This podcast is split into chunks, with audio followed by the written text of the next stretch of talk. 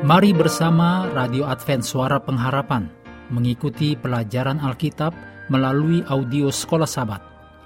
Selanjutnya kita masuk untuk pelajaran Minggu 23 April. Judulnya Pentingnya Masa Penghakiman. Mari kita mulai dengan doa singkat yang didasarkan dari Wahyu 16 ayat 7.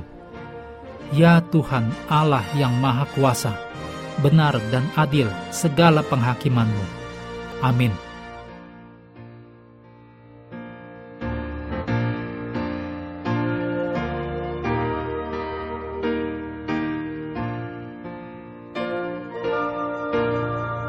Buku terakhir kitab suci, yaitu Wahyu, berfokus pada puncak dari kontroversi selama berabad-abad antara yang baik dan yang jahat. Lucifer, seorang malaikat pemberontak, menantang keadilan, kejujuran, dan kebijaksanaan Allah. Dia menyatakan bahwa Allah curang dan tidak adil dalam cara Allah mengelola alam semesta. Penghakiman terakhir Wahyu adalah pusat dari konflik ini atas karakter Allah – Wahyu 14 ayat 7 berkata, Takutlah akan Allah dan muliakanlah dia, karena telah tiba saat penghakimannya. Dan sembahlah dia yang telah menjadikan langit, dan bumi, dan laut, dan semua mata air. Mengapa hal ini penting? Bahwa tepat setelah kita diberitahu tentang Injil kekal, pekabaran malaikat pertama berbicara tentang penghakiman Allah – apakah hubungannya Injil kekal dengan penghakiman Allah? Injil dan penghakiman, keduanya adalah bagian dari pekabaran malaikat. Pertama, keduanya saling terkait dan tak terpisahkan. Jika bukan karena Injil kekal, kita tidak akan memiliki pengharapan dalam penghakiman.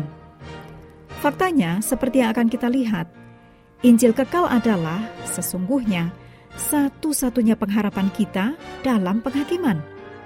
Tidak diragukan lagi bahwa bagian dari isi Injil adalah pengumuman penghakiman.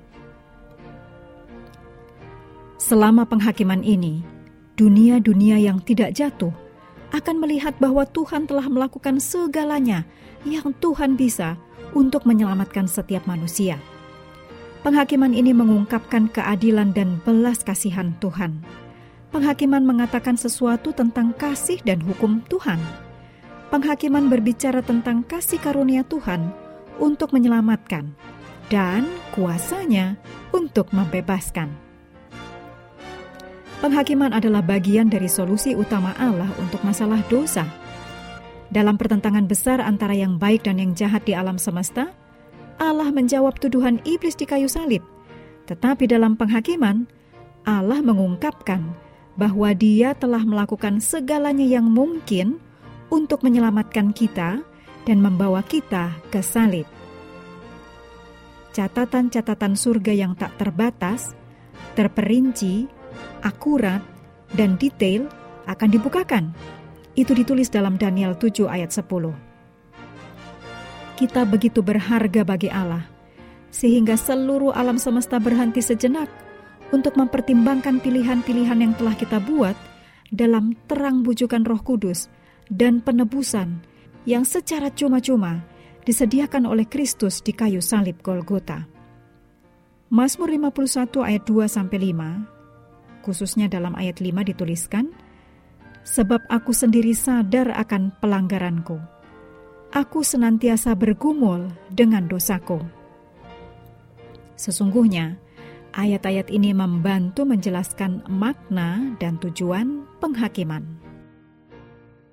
Mengakhiri pelajaran hari ini, mari kita kembali ke ayat hafalan kita dalam Wahyu 14 ayat 7. Dan ia berseru dengan suara nyaring, Takutlah akan Allah, dan muliakanlah dia, karena telah tiba saat penghakimannya, dan sembahlah dia yang telah menjadikan langit dan bumi dan semua mata air.